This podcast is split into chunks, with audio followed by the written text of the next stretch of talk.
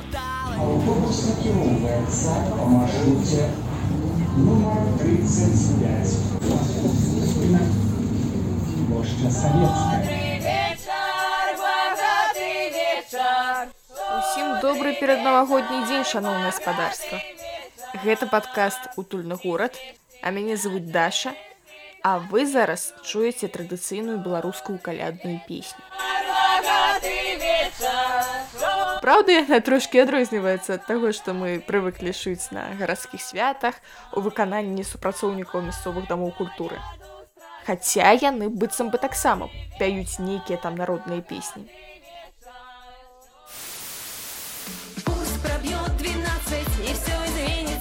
А вось гэта вы пачулі фрагмент з навагодняга канцэрта віншавання ад гродзенскага раёна.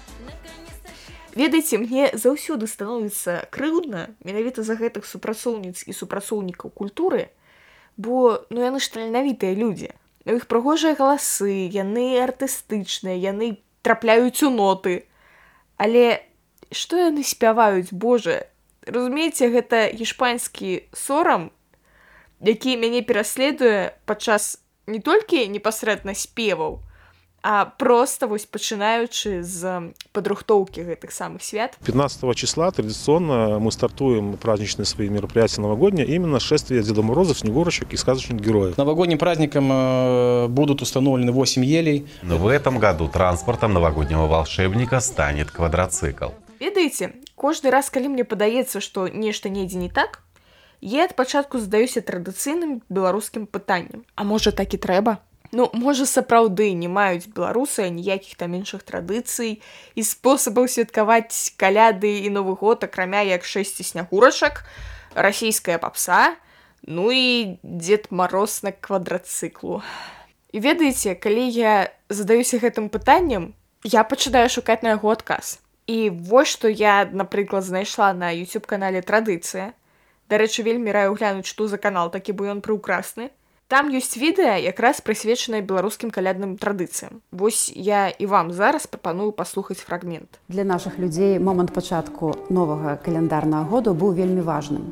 Гэта гаворыць Вікторыя Міхно, кіраўніца этнагурта гуда. Бо у мінулым можна было пакінуць усё, што не падабалася, усё, што не атрымалася і з новым з чаканым пайсці далей самае вядомае дзейства якое адбывалася ў часе калядаў гэта калядаванне.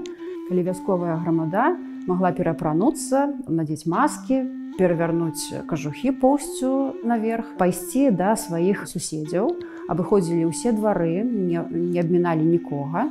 Калядная грамада гэта правадыр альбо дзед правадыр грамады. Каза. Часам у гэтай грамадзе таксама былі мядзведь у мядзведзя таксама быў свой правадыр які даваў розныя заданні. Заўсёды быў механоша Таму што дары якія аддавалі гаспадары хат іх трэба было несці. І зорка ноша таксама зорку давалі несці высокаму статнаму чалавеку. Іншыя вясёлыя персонажы лекар бусел цыганы прадавалі кабылу і вадзілі яе з сабою.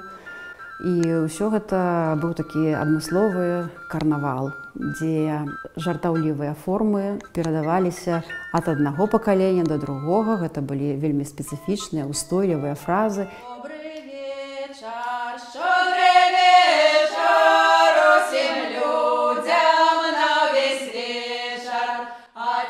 як мы бачым шэсці снегурачак і расійская поп-музыка гэта не адзіны спосаб святкаваць каляды яшчэ да таго як гэтыя самыя расійскія поп-снегурачкі з'явіліся ў свеце у беларусаў ужо былі нейкія свае спосабы святкаваць каляды новы год але гэта ж усе сялянскія традыцыі. Можа жа быць тэарэтычна такое, што якраз гарадская культура яна больш нагадвае ўсё тое, што мы зараз бачым падчас гарадскіх святаў. Разбяромся. Ёсць такі гісторык-даследчык Андрей Катарчук. І ў яго ёсць праца, прысвечаная гарадскім святам, 16-18 стагоддзі, дзе б вы думалі на беларускіх землях. Дык вось, ён вылучае два тыпы гарадскіх свят. Афіцыйныя цырымоніі, і кірмашовыя святы. Да афіцыйных цырымоній належалі ўсякія ўрачыстыя сустрэчы вышэйшых дзяржаўных і духоўных асоб. То бок калі да вас у горад раптам завітаў кароль польскі і вялікі князь літоўскі ці які-небудзь біскуп, то варта гэта адзначыць. У час гэтых цырымоній узводзіліся трыумфальныя аркі. Дарэчы, гэта такая спасылачка да антычнай культуры. Служыліся святочныя набажэнствы ў касцёлах, ну або царквях і даваліся ўсякія тэатральныя імпрэзы. Ну а яшчэ наладжваліся гарматныя салюты і феерверкі. Так што аніякіх прэтэнзій да тых дзяцішак, якія бавяцца з петардамі ў двары. Гэта яны падтрымліваюць старадаўнюю традыцыю. Акрамя усякіх урачыстых сустрэч дзяржаўных асоб да афіцыйных святаў адносіліся асобныя цэхавыя шэсці, парады гарадскога апалчэння і ўсякія стралковыя спаборніцтва гараджан, а яшчэ рэлігійныя працэсіі. І тут варта задацца пытаннем, што такое цэх. А цэх гэта аб'яднанне рамеснікаў, якія займаюцца адным і тым жа відам рамёстваў. Не ведаю нешта гэта падобнае на прафсаюз у сучасным разуменні. Дык вось гэтыя аб'яднанні якраз мелі свае сцягі, харугві, і ад часу да часу калі ў іх было прафесійнае свята яны маглі прайсціся з гэтымі харовамі каб паказацца гараджанам якія яны файныя хлопцы а ўсякія рэлігійныя працэсіі гэта як вы разумееце хросныя хады. Хто ж звычайна удзельнічаў у гэтых афіцыйных гарадскіх святах? Шмат хто. Ну па-першае гэта самі рамеснікі якія аб'ядноўваліся ў тыя цехі. Усякія купцы. Святарства зразумела. Члены магістрата, вучні школ, студэнты калегіумаў, а 17 стагоддзя яўрэйская і татарскія абшчыны. Падчас каталіцкіх свят удзел бралі, канешне, святары і вернікі і уніяцкія таксама. То бок, як бачым, у агульнагарадскіх святах звычайна удзельнічала значная частка насельніцтва. Адтуль мы зразумеем, што ў нашай гарадской культуры ўсё ж такі гэтыя нейкія агульныя святы яны займалі вялікае месца гэта не прыдумка апошні год і гэта не справа нейкай там прыявіляванай групы. Робім выснову гэта сапраўды частка нашай традыцыі. Акрамя афіцыйных свят як я ўжо ўзгадала былі яшчэ кірмашовыя святы. Дарэчы слова кірмаш у беларускай мове значыць не толькі рынок але яшчэ і свята якой звязаная з гэтым рынкам і ўсякія адпаведныя вячоркі. Падчас кірмашовага свята звычайна бываў кірмашовы тэатр дзе выступалі скамарохі музыканты там была батлейка там гуляліся ўсякія імпрэзы яшчэ на кірмашы можна было згуляць ва ўсякія цікавыя гульні а яшчэ паваражыць і заняцца яшчэ шмат якімі вясёлымі справамі апрача мясцовых гараджан у кірмашовым свяце звычайна удзельнічалі замежныя купцы якія непасрэдна туды прыязджалі прадаць свае тавары. А яшчэ сяляне якія таксама прыязджалі на кірмаш. Ну і ўвогуле усе прадстаўнікі ўсіх сацыяльных класаў. Хто звычайна быў удзельнікамі імпрэзаў? Гэта канешне скамарохі это мядзвезнікі музыкі якія граюць на скрыпцы ці на дуцы усякія штукары то бок акрабаты фокуснікі а яшчэ казачнікі, камедыянты і лялечнікі. А яшчэ на кірмашовым свяце можна было сустрэць сляпцоў. Гэта лірнікі, то бок музыкі, якія граюць на ліры. І яны выконвалі ўсякія рэлігійныя, гістарычныя жартоўныя песні. Дарэчы, у Беларусі існавала нават школа падрыхтоўкі гэтых лірнікаў каля турава. Гэта асобная тэма можаце пацікавіцца. А яшчэ, канешне, на кірмаш завітвалі ўсякія студэнты вандроўнікі, якія разыгрывалі ўсякія сцэнкі, невялікія разлічныя на некалькі персанажаў. Ну і зрэдку адбываліся паказы гарадскога школьнага тэатра. І, дарэчы, спектакль ішоў не на якой-небудзь там лаціне ці польскай мове, а на народнай беларускай, што ўжо прыемна. Але ж я ўсё гэта распавядаю пра 16-18 стагоддзя гэта было даўно. Пагадзіцеся трэба ўсё ж таки разабраць прыклады бліжэйшыя да нашага часу. Іх ёсць у мяне. Вось напрыклад вытрымка з артыкулу на партале гродна лайф пра тое як святкавалі новы год у міжваенным гродні грозенскі старажыл ежы мар'ян кішкоўскі дзяцінства якога якраз ходзіцца на гэты міжваенны перыяд успамінаў што у новым замку была спецыяльная елка для ўсіх дзяцей ну, то бок такі ранішнік туды праходзіў святы мікалай з падарункамі заўважце не дзед мароз а святы мікалай а падарункі неслі анёлачкі. Дзеці спявалі песні святы Мікалай дарыў ім падарункі. А хто быў непаслухмяным, то каля яго бегалі чэрці і пугу яму клалі. Быў сорам і страх. Спадар Караль Калвейт жыве ў польскім слупску. Але сваё дзяцінства і калядныя святы ў грудні у 30-40 гады ён памятае даволі добра. Спадар Караль успамінае, што ў цэнтры гродна на плошчы Баторыя, сучасная плошча савецкая, паміж касцёламі ставілі вялікую елку. Гараджане цешыліся з гэтай ялінкі, а на каляды зразумела хадзілі ў царкву ці ў касцёл і гэта таксама была значная частка гарадскога жыцця. Дарэчы, у нас на гродзеншчыне, дзе ёсць і каталікі і праваслаўныя і ўсе неяк мірна суіснуюць стагоддзямі, святкавалі ад пачатку адно раство, потым другое і запрашалі адзін аднаго і гэта было цалкам файна і прымальна. То бок ведаеце, мне пакуль што падаецца, што ўсё ідзе даволі файна, і прыгожая. У нас ёсць класныя гарадскія святы, аўтэнтычныя і ніяк не агратрышовыя. Але потым адбываецца нешта, што пераварочвае нашыя традыцыі правядзення гарадскіх свят. І імя гэтаму чамусьці ССР.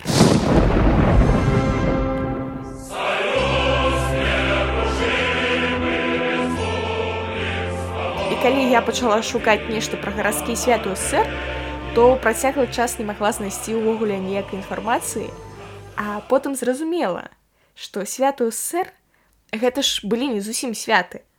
То бок, канешне, былі ўсякія гэтыя святкаванні першага мая, дня перамогі, кастрычніцкай рэвалюцыі, але Яны ўсе былі ў форме парадаў, мітынгаў, маршаў. На іх трэба было абавязкова прыйсці, калі ты вучышся ў школе ці ў вучэльні, ці працуеш на заводзе, дзе ты яшчэ мог працаваць камон гэта ССР. Тут для помніка бяссмертнаму Леніну беларускі народ прадэманструе сёння сваю магутнасць, адзінства, сваю любоў і адданнасць сацыялістычнай радзіме, парты бальшавікоў, роднаму і любімаму сталіну То бок зноў жа гэта не гісторыя пра тое што вось ёсць нейкія правайдеры святаў якія прадастаўляюць насельніцтву паслугі. І насельніцтва такое хачу бяру хачу не бяру хачу прыходжу хачу не прыходжу не Гэта быў такі элемент таталітарнага грамадства. Ты мусіш удзельнічаць у гэтых святах. І шчыра кажучы, там ніхто не збіраецца цябе менавіта забаўляць. Леніна з намі ў рукі і маршаруй. Камандуючы войскамі беларускай ваеннай акругі генерал-палконік Трафіменко прымае рапорт. Але менавіта ў савецкім саюзе былі закладзены ўсе гэтыя патэрны святкавання усякага гарадскога. Ну гэта датычыцца і адміністратыўнага боку. То бок партыя сказала трэба, камсамол адказаў ёсць. У нас жа і зараз ініцыятыва зладзіць якую-кольвек імпрэзу праходзіць аднекуль адтуль зверху з мінску. Ну а вы потым на месцы робіце што можаце. І зразумела што ўсе гэтыя прышпілы з дедам марозамі снягурачкай ніякім не светым мікалаем яшчэ чаго. З традыцыямі святкаваць на гарадскім узроўні менавіта новы год там а не каляды. Усе гэтыя я вам песенку спаю пра 5 минут якія дагэтуль выконваюць нашыя дзечы Ну гэта ж той жа оперы. Ну і канешне мова ўсіх гэтых свят яна ні ў якім разе не беларуская. Это ж вам не скарынаўскія якія дні. Гэта нармальнае афіцыйнае гарадское мерапрыемства. Адбываецца яно ўсё па-расійску і шаблоны такіх свят насамрэч распрацаваліся яшчэ ў далёкія семидесятых і больш іх асабліва не чапалі. І дарэчы усе гэтыя псеўдафальклорныя песенкі як моя улюбёная чарка на пасашок. і хаця чарку на пасашок паўсюль прыпадносіць як народную насамрэч некая яна не народная а аўтарская. І і яе аўтар гэта кампазітар александр балотнік ураджэнец лепеля. І напісаў ён гэтую музыку на верш беларускага паэта александра лягчылава Ну карацей як развіваліся гарадскія святы ў беларусі да чаго мы дайшлі ў выніку я больш-менш зразумела але як вось тое да чаго мы ў выніку дайшлі функцыянуе і што з гэтым можна рабіць і як бывае па-іншаму я дагэтуль дакладна не ведаю І каб зазірнуць у гэту ўнутраную кухню і яшчэ больш паглыбіцца ў тэмы, я вырашыла паразмаўляць з людзьмі, якія гэтым займаюцца ці прынамсі займаліся прафесійна. Першым маім суразмоўцам стаў чалавек вядомы пад імем Ян Шпілька. спадар Ян з юнацтва займаецца ўсякімі культурна святочна выканаўчымі справамі і большую частку свядомага жыцця таксама працаваў у усякіх дзяржаўных установах культуры. І таму я была шчасліва паразмаўляць менавіта з ім гэтыя гарадскія святы у дадзеным выпадку мы з вами будзем казаць пра калядныя святы і новы год хто іх звычайна ў горадзе арганізоўвае хто за гэта адказвае каб сцэна стаяла на плошчы каб там былі нейкія музыкі ўсё астатніе Ну, звычайна ўсё проста. Загад прыходзіць з гары. Ну, калі не калупацца, адкуль менавіта ён прыходзіць, ну, скажем так, аддзел культуры гарвыканкама гэта галоўны падрадчык. Яны афіцыйна павінны выконваць усю працу. Але тым не менш, адтуль ідуць толькі загады і зразумела, што займаюцца гэтым зусім іншыя людзі з дзяржаўных культурніцкіх устаноў.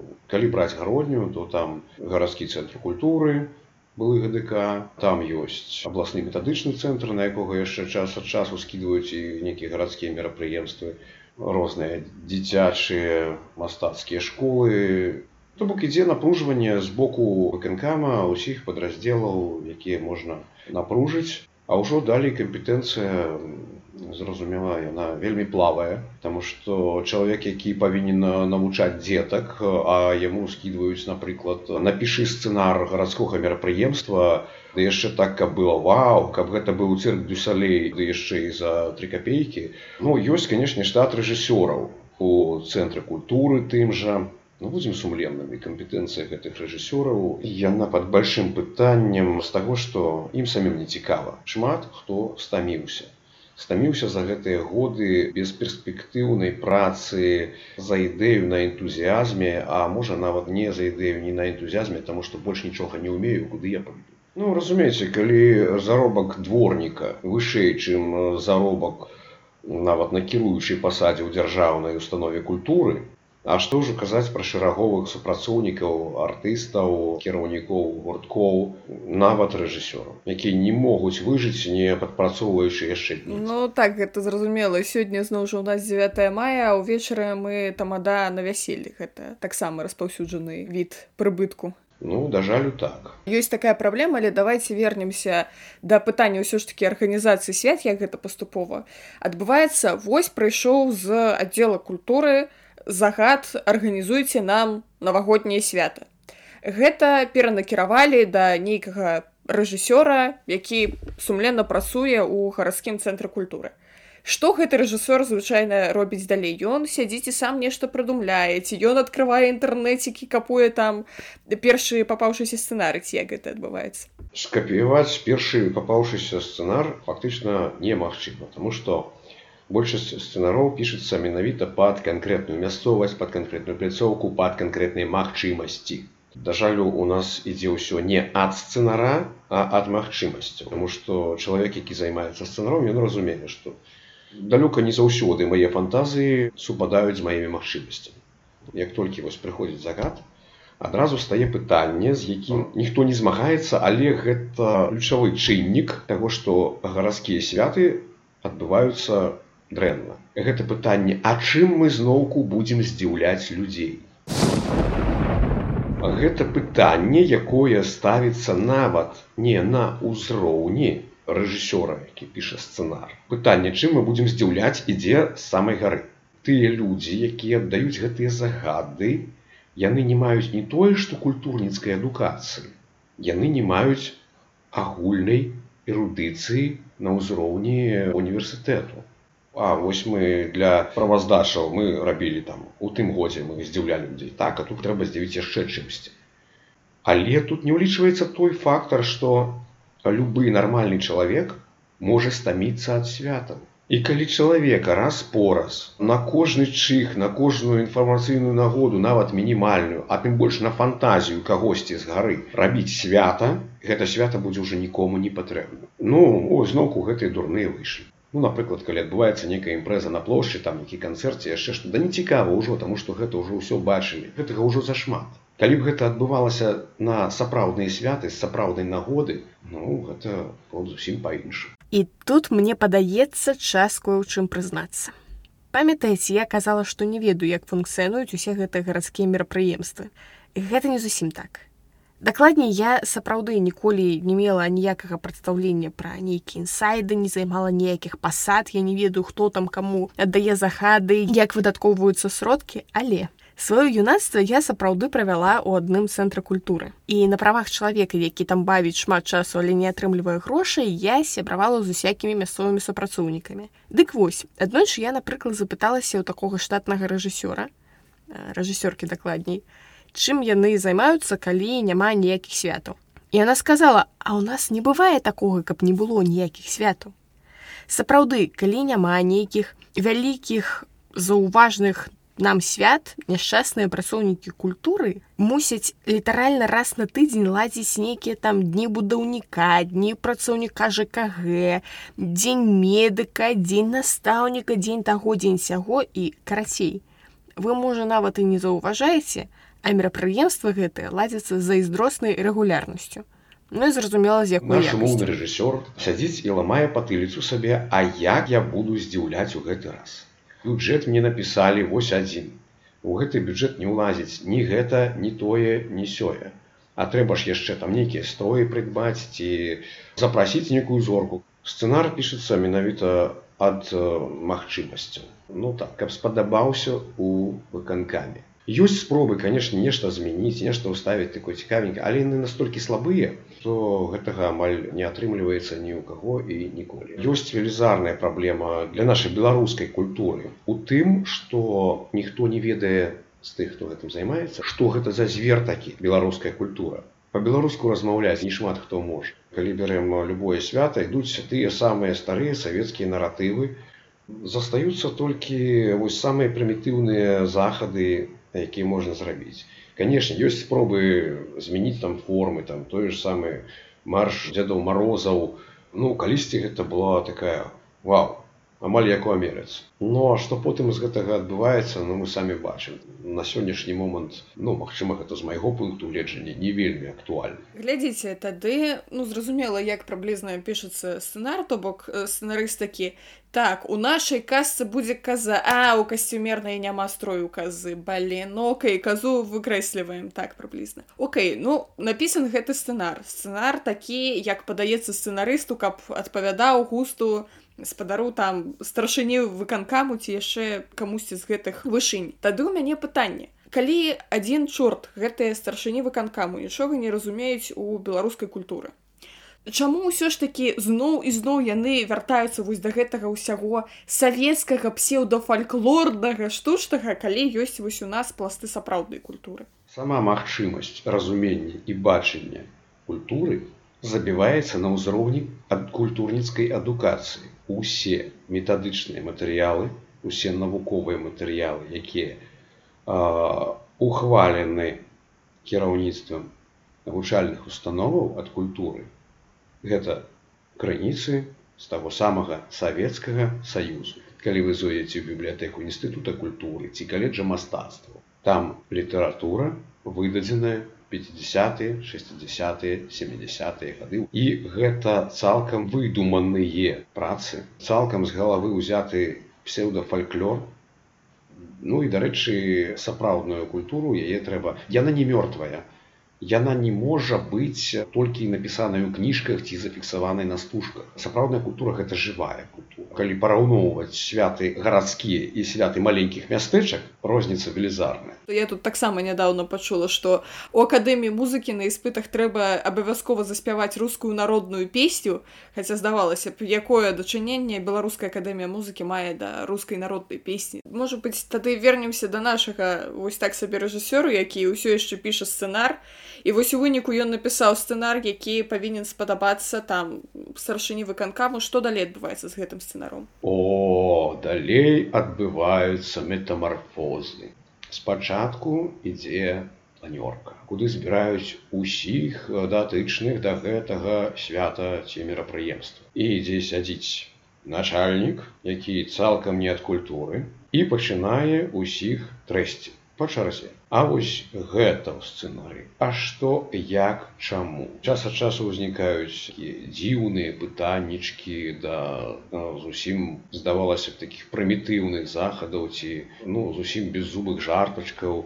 колеры адзення ўдзельнікаў наогул прычапіцца да якойсьці фразы якая магчыма вось гэтаму начальніку узгадвае нешта крамольнае і гэта адбываецца раптоўнае ўключэнне з месца монтажа. я успомніла вясёлую гісторыю якраз з гэтага майго цэнтракультурнага юнацтва. У нас там быў такі чувак назовем яго аркаша. Аркаша рэгулярна займаўся тым што падчас усякіх канцэртаў ладзіў сцэнкі у жанры травесці камедыі то бок ён пераапранаўся ўсякіх жанчын. І падчас аднаго свята ён мусіў гуляць такую уладальную моцную жанчыну якую звалі Аркадія Васильевна, таму што сам наш Аркаша быў Аркадій Васильевич. І ўсё бы добра, але на этапе ўзгаднення сцэнара імя Аркадіі Васильевны патрабавалі замяніць на Марванну. Таму што ў адной высокай начальніцы з нейкага там чарговага аддзелу якраз было імя па бацьку Васильевна. Ну, у выніку мы прыдумалі, што нашу гераіню будуць зваць Аркадія Петроўна каментаваць гэтую сітуацыю я думаю залішні і гэта адбываецца цягам трох-чатырох гадзін ідзе гэтая нарада.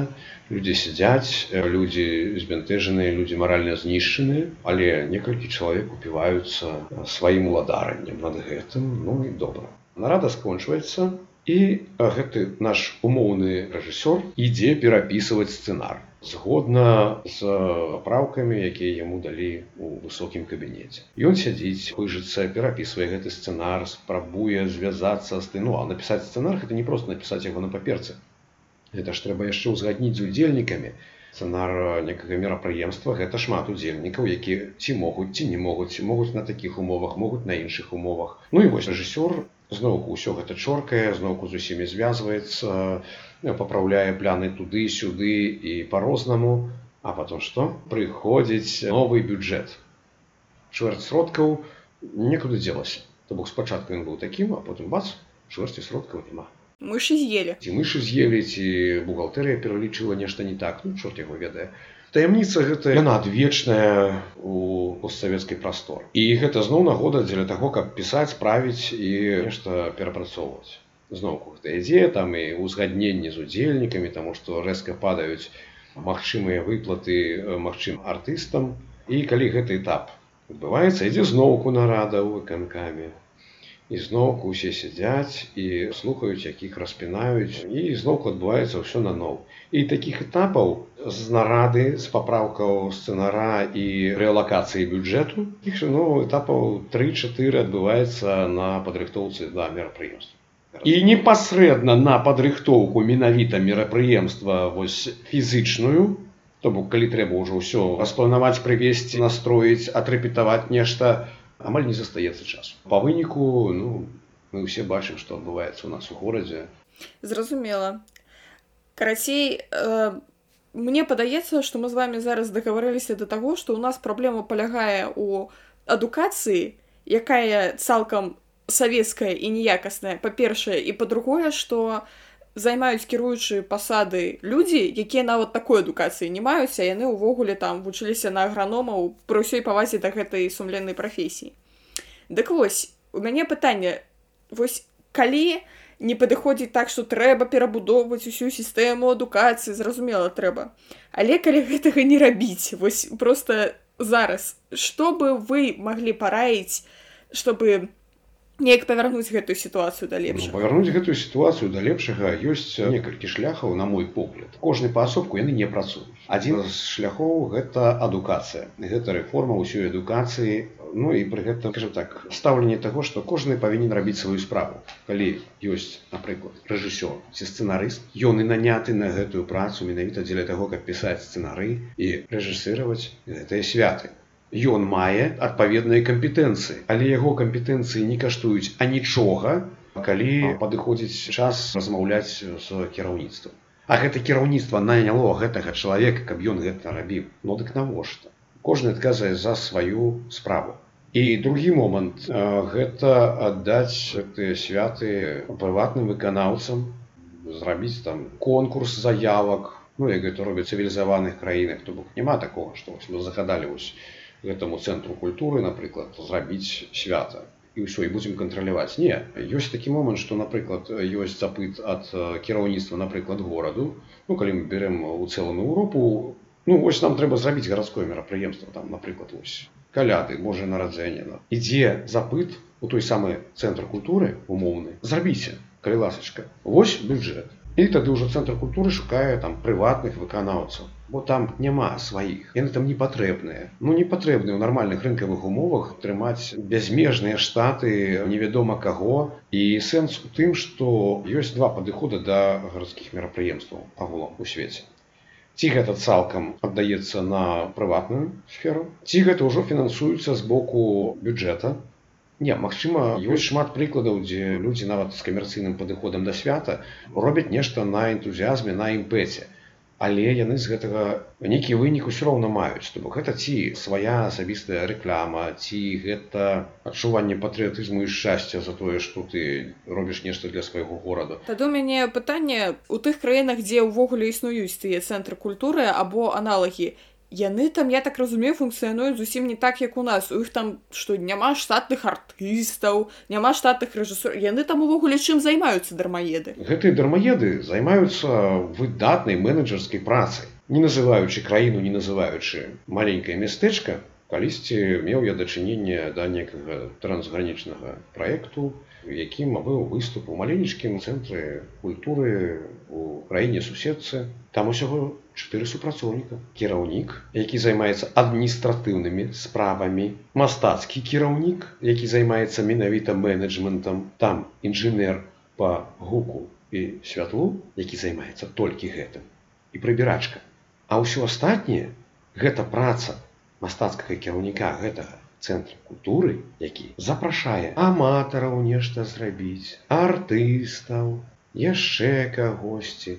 Ему не трэба трымаць там штат супрацоўнікаў дастаткова нармальна арганізаваць працу з тымі хто хоча на сцэну. То бок ніякага хора ветэранаў і аніякіх там сталых кіраўнікоў хора дзіцячага гуртка яшчэ кагосьці няма. Ёсць проста людзі якія хочуць гэтым займацца яны не не гэтым займаюцца. У нармальным стаўленні да культуры той самы хор ветэранаў ці дзіцячы тэатральны гурток ці яшчэ нешта. Гэта не абавязак это структуры якія не павінны справаздачыцца так як гэта зроблена ў нас. У нас зроблена цэлая сістэма з усімі гэтымі непамернымі штатамі метадыстаў які не разумеюць аб чым наогул там той ці іншы калектыў якіх павінна каб паперка да паперкі ляжала. Любы гурток аматараў можа ўдзельнічаць у фестывалях атрымліваць узнагароды але ён не павінен гэта рабіць існаванне такіх гурткоў так магчыма вось той самы напрыклад умоўны цэнтр культуры умоўна маленькага гарадзішкі ён дае сваю сцэну для такіх аматараў і дае яе бескаштоўна. Дзеля таго што на гэты цэнтр выдзяляюцца дзяржаўныя бюджэты дзеля гэтага ён і існуе як вось такі цэнтр культуры куды можа прыйсці чалавек які прагне развівацца ў культуры і развівацца. І крыніцы фінансавання іх могуць быць розныя як самафінансаванне магчымасць недзе удзельнічаць у фестывалях атрымліваць узнагароды як спонсарская падтрымка тому что ва ўмоўнай Еўропе гэта нашмат прасцей. Ну я так разумею у праўкрастай беларусі будучыні мы дойдзем до таго што ўвогуле цэнтры культуры будуць абвяшчаць. Падавайце заявку на грант мы вам будзем выдаткоўваць грошы толькі прыходзьце і рабіце нешта ў наших сцен Ну так то бок яны пераўтварацца яны павінны пераўтварыцца ў нармальныя такія арт-рэзідэнцыі хай і дзяржаўныя хай там з абмежаванымі магчымасцямі але тым не менш у гэтым іх сэнс А калі арт-рэзідэнцыя пераўтвараецца ў арт-канцлагер Ну атрымоўваецца то што атрымоўваецца атрымоўваецца лагерны канцэрт на галоўнай плошчы горада каля ну, да, безумоўна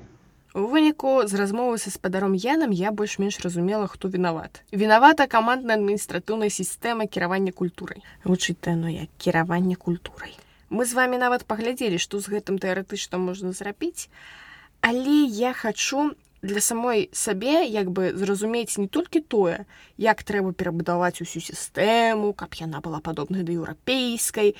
Я хачу паглядзець на сітуацыю не ў такім маштабе, а больш наблізіцца, да незавога ўзроўня і зразумець як па кроках мусіць адбывацца арганізацыя якаснага мерапрыемства і я знайшла одну вядомую менеджерку якая якраз прафесійна займаецца арганізацыяй усякіх розных беларускіх культурніцкіх мерапрыемстваў і вырашыла дапытаць гэтую менеджерку як уласна яна гэта робіць Мяне завуць Ірына Паўлович. Я прадпрымальніца, прадюсер і блогер. Мой блог, дарэчы, можна знайсці пад назвай купляеце беларускае ў нстаграме. Ірына за сваё жыццё арганізоўвала шмат розных культурных мерапрыемстваў ад этнаграфічных экспедыцый да ўсякіх канцэртаў і фестываляў. І як сама кажа, рабіла гэта заўсёды з прадюсарскай перспектывы. Гэта значыць арыентаванасць на вынік для ўсіх бакоў для ўдзельнікаў, арганізатараў, партнёраў, гасцей мерапрыемства. Зразумела, А вы скажыце, калі ласка, калі мы возьмем нейкія гарадскія святы, якія звычайна ладзяцца там ва ўсіх гарадах, усе гэтыя дажынкі, 9 мая, новы год, канешне ж. Ну, вы, напэўна, знаёмыя з такімі мерапрыемствамі, праўда? Так, я знаёмая з такімі мерапрыемствамі. У мяне з дзяцінства моцнае ўражанне, што гарадскія святы ў Беларусі гэта маштабна і круто. Я памятаю, што я бацькам усе вушчы некалі пражужджала, калі мне было гадоў сем, што я хачу на парад, не памятаю ці на дзень перамогі ці на дзень незалежнасці, але я бачыла гэтую рэкламу па тэлебачанню і прама вельмі хацела, каб мяне па ўсёй праграме бацькі адвезлі. Крыху пазней у падлеткавым узросце я шмат наведавала гарадскія мерапрыемствы. Злі рэчы, якія мне падабаліся, гэта хутчэй асобныя элементы. Аднак агулам, калі казаць пра народныя гулянні, пра праграму мерапрыемстваў, я ўжо памятаю у свядомым узросце было адчуванне, што гэта ўсё нібыта бы не для мяне і нібыта бы я не той чалавек, які мусіць удзельнічаць.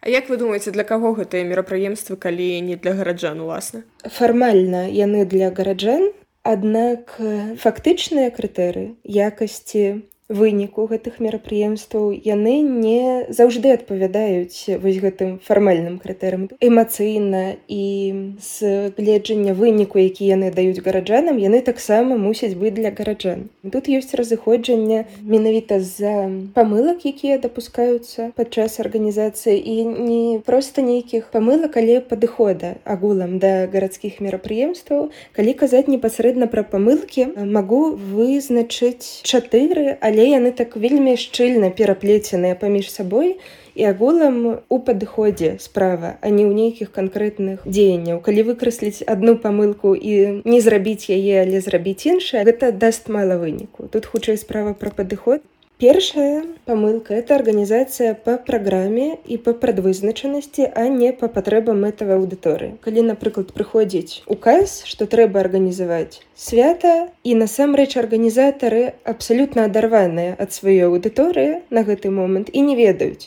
Ці нам патрэбны новы год з дзедам марозам і снегурачкай у гэтым мест альбо з санта-клаусам. Другая памылка, якая нават не вынікае папярэднічае гэтай першай. Это адсутнасць прадюсерскай маркетингавай працы адсутнасць даследавання мэтавай аўдыторыі яе патрэбаў. У мяне быў досвед арганізацыі мерапрыемства у лодзе я арганізоўвала тут і гарадскія мерапрыемствы фармату акцыя і канцэрты для беларусаў беларускіх гуртоў і моя справа была прыцягнуць аўдыторыю арганізаваць саму падзею зрабіць так каб яна была патрэбная каштоўная і гэта атрымлівалася дзякуючы даследаванню мэтавай аўдыторыі разумення што патрэбна якія аспекты гэтага канцэрта можна асвятліць што менавіта заахвоціць людзей у ім паўдзельнічаць. Трэцяя памылка на маю думку гэта фармалізацыя ініцыятыва зверху а не знізу. Мясцовае кіраўніцтва атрымала ўказ рабіць мерапрыемства і яго трэба зрабіць і прадаставіць адчот замест таго каб падумаць як адаптаваць такое мерапрыемства альбо зрабіць крыху іншае са сваёй ініцыятывы для сябе ў першую чаргу і для сваёй аўдыторыі. Чацвёртая гэта прынудзілаўка абязалаўка якая ідзе ўжо ад гэтых мясцовых арганізатараў І канешне тут з'яўляецца боль і шмат флэшбэкаў са школы, калі трэба было пэўную колькасць людзей адправіць на апарат, адправіць на спектакль. Такія дзеянні, такі падыход падрывае напрач аўтарытэт і лаяльнасць да арганізатара. І можа быць, у наступны раз штосьці класнае і хацелася б зрабіць. Але аўтарытэт падрываецца менавіта вось з-за такога падыхода і ўжо веры ніякай няма. Ведаеце, мне ўвогуле падаецца, што гэта нешта на ўзроўні там умоўных рэфлексаў ці нейкіх псіхалагічных траўм. Калі мяне галодную і стоўленую пасля урокаў прымушалі кудысьці там да чорта на кулішкі ідці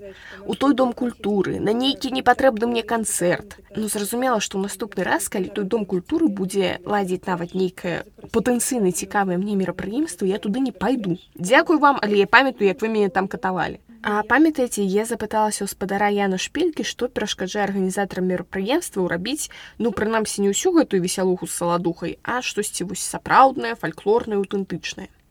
Дык вось спадарня Ірына лічыць, што калі б нават нейкім цудам гэта сапраўднае фальклорнае і адбылося, карысці ў гэтым было б не шмат. Я шмат кажу пра падыход і пра маркетингавы прадюсерскі бок арганізацыі мерапрыемстваў больш чым пра змест тому что падыход вызначае змест няма абсалютна ніякага сэнсу казаць што нам трэба ўкрасіць ялінку так а не так правесці дажынкі так а не так. Там напрыклад у народным стілі а не ў стілі агратрэш запрасіць сапраўдную фальклорную музыку а не агратрэш Таму што у гэтым сэнсу ніякага калі падыход такі ж. Будзе фальклорная музыка по-іншаму упрыгожаная ялінка аднак все тая ж прынудзілаўка ўсё тое ж нікому не патрэбнае мерапрыемства Зразумела вас, А давайте цяпер па кроках вызначым, як зрабіць так, чтобы ўсё-таки у нас атрымалася добрае і файнае мерапрыемства, а не агратрашовая пранудзілаўка. Давайте уявім сабе, што я у божа што мой гродзенскі гарадскі выканаўчы камітэт і я звяртаюся да вас, кажу спадарня Ірына. Нам патрэбная ваша экспертыза, калі ласка, мы нічога ні ў чым не разумеем. Арганізуйце нам калі ласачка навагодняе свята, што вы будзеце рабіць па кроках. Першае, я прапаную дапамогу альбо распавяду, як даследаваць мэтавую аўдыторыю. Па-першае, варта камунікаваць з людзьмі і быць у кантакце з рэальнасцю, якая ёсць навокал. Не будаваць ніякіх уяўленняў, якія ідуць проста знутры вашай галавы і варта задаваць пытанне. Па-першае, Што патрэбна маёй аўдыторыі у дадзеным выпадку жыхарам гродна. Гэта ўсе жыхары гродна альбо не ўсе. Калі гэта ўсе ўсе ўсе жыхары, што я магу даць усім усім жыхарам і дзецям і бацькам з дзецьмі і школьнікам і моладзі студэнтам і старым людзям, якія прыйдуць на маё мерапрыемства, ці я ў стане зараз забяспечыць праму ўсім сегментам сваёй мэтавай аўдыторыі класнае мерапрыемства. Два ключовыя пытанні гэта якія патрэбы у маёй аўдыторыі, якія жаданні. Часцей за ўсё у выпадку змены падыхода ад абязалаўкі да такого кліента арыентаванага прадюсерскага падыхода да справы. Часцей за ўсё і вы сам прадстаўляеце сваю мэтавую аўдыторыю тым ці іншым бокам вы таксама жывеце ў гродна і можаце зразумець ужо знутры сабе які ў мяне запыт. Вось чэсна асабіста. Якое мерапрыемства я б хацела з гэта пабудаваць гіпотэзу спраўдзіць яе праз камунікацыю з жыхарамі Гэта можа быць у рознай форме. Можна правесці апытанку ў нейкім мясцовым чаце у нейкай групе ў кантакце. Асобна сярод супольнасцяў студэнта у моладзі школьнікаў. Альбо на вуліцы нават. Другое важное пытанне. Гэта ці рэальна патрэбны менавіта гэты канцэрт менавіта гэтае мерапрыемство калі я ў сваёй галаве наўяўляла што жыхарам гродна патрэбны канцэрт беларускіх рок выканаўцаў прама ўсім жыхарам гродна. Магчыма я памыляюся варта пасумнявацца. І падумаць а што рэальна трэба. А трэцяе гэта Я акрэсліла гэта як камерцыйны шлях мерапрыемства, але важна разумець, што гэта датычыцца не толькі продажы за грошы, але ўзаемавыгады, узаемакарысці, якая адбываецца падчас такога мерапрыемства. Важна, каб усім бакам, партнёрам, удзельнікам, арганізатарам была карысць. Ці гэта прасоўванне, ці гэта задавальненне, ці гэта эмоцыя, ці гэта камунікацыя нетворкін ці гэта матэрыяльны абмен каштоўнасцямі выгада мусіць быць і гэта лёгка бачна калі пачынаеш далучаць да мерапрыемства да арганізацыі мерапрыемства партнёраў з боку мясцовых ініцыятыў супольнасцяў бізнесаў і чесна кажаш напрыклад я не магу заплаціць што я магу даць вам каштоўнага што наше мерапрыемства дасць вам каштоўнага яго арганізацыя чым яна вам карысна тады гэтая пляцоўка там кавярня альбо клуб кажа. Мы бы хацелі каб вы прасунулі нас каб усе беларусы лодзі альбо усе студэнты гродна прыходзілі да нас і лічылі што наш клуб найлепшы у гродна. І тады ты ўжо думаеш як арганізатар як прадюсер як я гэта прасуну для іх за тое што яны даюць мне. Калі падлучаць сапраўды шмат мясцовых ініцыятыў мясцовых партнёраў бізнесаў асобаў блогераў каго заўгодна але з супольнасці менавіта жыхароў гродна да арганізацыі мерапрыемства сапраўды адбываецца абмен каштоўнасцямі і разумення як зрабіць мерапрыемства эфектыўным і патрэбным для кожнага. Апошняе важное на мою думку рэч гэта зрабіць так каб пра івент казалі ўсе і хацелі на яго патрапіць усе. Калі гэта сапраўды жыхары гродна усе жыхары наша аўдыторыя стварыць ажыятаж каб пра мерапрыемства размаўлялі не толькі па тэлебачанні але абмяркоўвалі самі жыхары. Ці яны там дамовяцца сустрэцца са сваімі сябрамі падчас мерапрыемства ці гэта добрая нагода? Ці там будзе нейкі конкурс які дае сапраўды штосьці класнае штосьці крутое альбо прыедзе выканаўца якога вельмі чакаюць і гэта вау-эфект ніколі ў гродна яго не было а ўсе ў гродна яго хацелі. Вось такі вау-эфекты ажыятаж які б рабіў прасоўвання мерапрыемства натуральным ведаеце вы пакуль распавядалі я ўспомніла сваю папярэднюю размову з чалавекам які шмат часу працаваў якраз у дзяржаўных установах культуры. І вось ён сказаў што вельмі цяжка стварыць нейкае якаснае мерапрыемства калі ты мусіш кожны тыдзень рабіць канцэрт Вось калі у цябе гэты мерапрыемства ідуць кожны тыдзень у цябе про ўсім жаданні просто не застаецца часу на падрыхтоўку. І тое што вы распавялі элементарна ўсё гэта арганізаваць а яшчэ стварыць маркетынгавую кампанію а яшчэ каб гэта было больш-менш працягла па часе каб да ўсіх гэта дайшло ну гэта сапраўды гэта мусіць быць не тыдзень і не два гэта мусіць быць за некалькі месяцаў да гэтага канцэрта нашага. Гэта можа быць за некалькі месяцаў гэта можа быць і ў больш сціснутыя тэрміны але вы слушна кажаце вельмі вельмі што калі ёсць абязалоўка і патрэба рабіць канцэрты кожны тыдзень то гэта ператвараецца не ў свята якое ўсе чакаюць і на якое ўсе хочуць. І ты ў першую чаргу сам хочаш на яго а у руціну руцінную працу дзе варта проста адчытацца што кожны тыдзень у нас канцэрты былі І тут яшчэ важная тэма для прадюсавання якраз гэта трыггеры і адзін з моцных трыггераў это трыггер рэдкасць калі нейкі навучальны прадукт можна купіць раз на паўгады і на яго выбудоўваць чарга калі новы перформанс новы канцэрт маёй любімай групы будзе толькі праз год у Еўропе увогуле у межах Еўропы я абавязкова паеду нават калі я ў іншай краіне гэта трыггер рэдкасці і таких трыггераў насамрэч шмат калі задацца мэтай і падумаць якіх прымяніць у арганізацыі гарадскога свята. Ці гэта рэдкасць эксклюзіўнасць каштоўнасць незвыкласць незвычайнасць альбо высокі кошт. Часам можа здавацца што такім чынам мы адсякаем чакаем аўдыторыю і перашкаджаем ёй прыйсці Ну калі канцэрты кожны тыдзень хадзі кожны тыдзень. А калі канцэрты раз на год то хтосьці ўедзе у кагосьці святы хтосьці захварэе. Але гэта ілюзія. Насамрэч на эксклюзіўнае мерапрыемства рэдкае сапраўды у якое ўкладзена шмат сіла ў падрыхтоўку і ў самой арганізацыі і яно не кожны тыдзень на яго прыйдзе больш асобаў і атрымае большы вынік для сябе Вось пасля такой невідавочнай парады я думаю варта і падвесці нейкую выснову. Карацей за час свайго даследавання я зразумела што традыцыі святкаваць усякае усім горадам у беларусі заўсёды былі. І былі гэтыя традыцыі дастаткова густоўныя і файныя. Так што калі нехта будзе вам казаць што гэтыя снапы сена з вачыма і песні спадара саладухі гэта і ёсць беларуская культура а іншай культуры у нас для вас няма не верце. Да ўсіх гэтых снапоў з вачамі мы дайшлі праз камандны адміністратыўны спосаб кіравання. Што гэта значыць? Што вертыкаль улады, загады зверху, жорсткія пляны, бясконцы справаздачы, брак кампетэнцыі іншых рэсурсаў прыводзіць вось да такога выніку. Карацей усё, як і ў іншых сферах нашага грамадскага жыцця. А што з гэтым рабіць? Насамрэч тое, што і ва ўсіх астатніх сферах нашага грамадскага жыцця.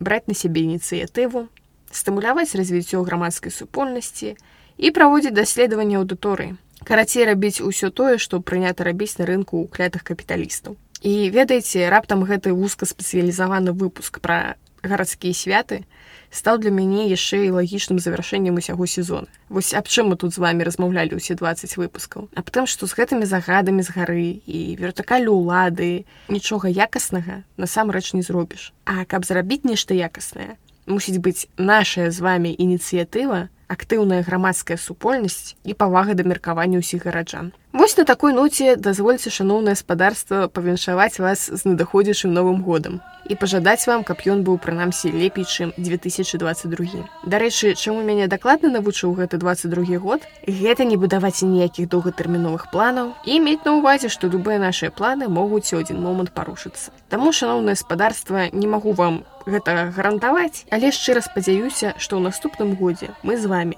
пачуемся. Бывайте праздники лета,